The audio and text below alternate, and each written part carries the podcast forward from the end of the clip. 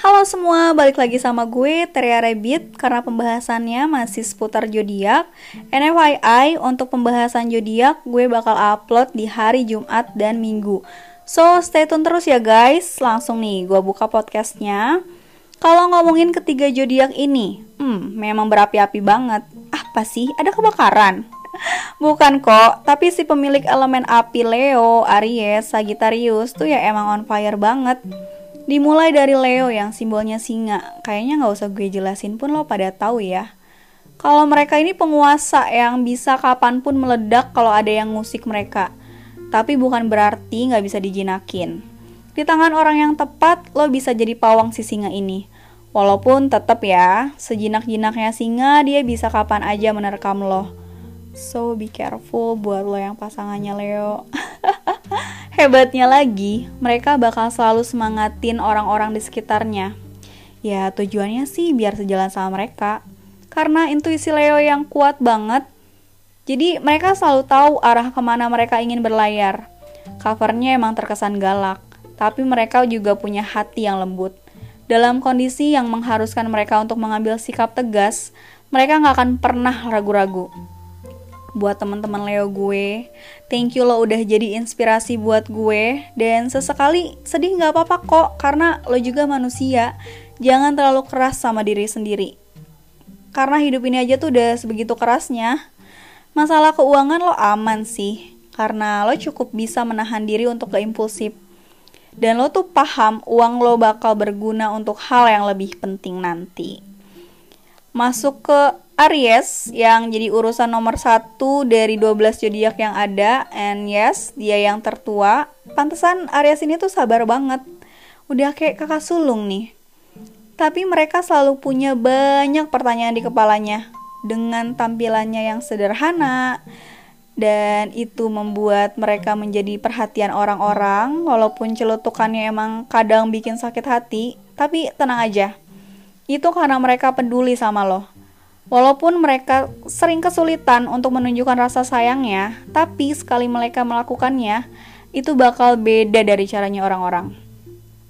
Nah, dengan simbolnya domba, mereka memang murah hati dan rela mengorbankan apa pun untuk orang terdekatnya. Iya kan, Mbe? Udah kayak panggilan saya nggak, Mbe? Kalau marah, mereka cenderung ngasih lo silent treatment. Hmm, gak enak banget ya. Makanya, hindari perselisihan dengan si domba ini. Jangan selalu mendem semuanya sendiri, karena diri lo pun butuh untuk didengar.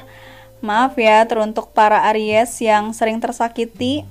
Mungkin tanpa sadar di kehidupan sebelumnya lo sering nyakitin orang lain. untuk mendapatkan kesuksesan nih, coba lo keluar dari zona nyaman lo. Karena kalau lo selalu jalan di tempat, lo nggak bakalan ngerasa hidup. Capek kan kalau terus-terusan ngerasa gagal dalam hidup? Walaupun memang kegagalan adalah kesuksesan yang tertunda. Tapi hati-hati juga dengan keimpulsifan lo dalam bersenang-senang karena takutnya malah lo tuh mengabaikan tanggung jawaban lo, tanggung jawaban, tanggung jawab lo. Hmm, next ada Sagittarius, si ambisius dengan busur panahnya yang akan tepat sasaran. Piu, piu, piu kehidupan nih kayaknya selalu berpihak sama lo ya. Lo tuh punya kemampuan untuk ngebuat hal yang membosankan menjadi hal yang paling menyenangkan. Dengan kehangatan lo, lo bisa bikin orang-orang di sekitar lo nyaman atas keberadaan lo. Heh, ambisi lo itu jangan terlalu diporsir ya. Lo harus mikirin kesehatan lo juga. Coba untuk menjalin kerjasama yang baik dengan orang lain. Emang gak segampang kedengarannya sih, tapi apa salahnya dicoba? Karena itu bisa jadi salah satu pintu kesuksesan lo.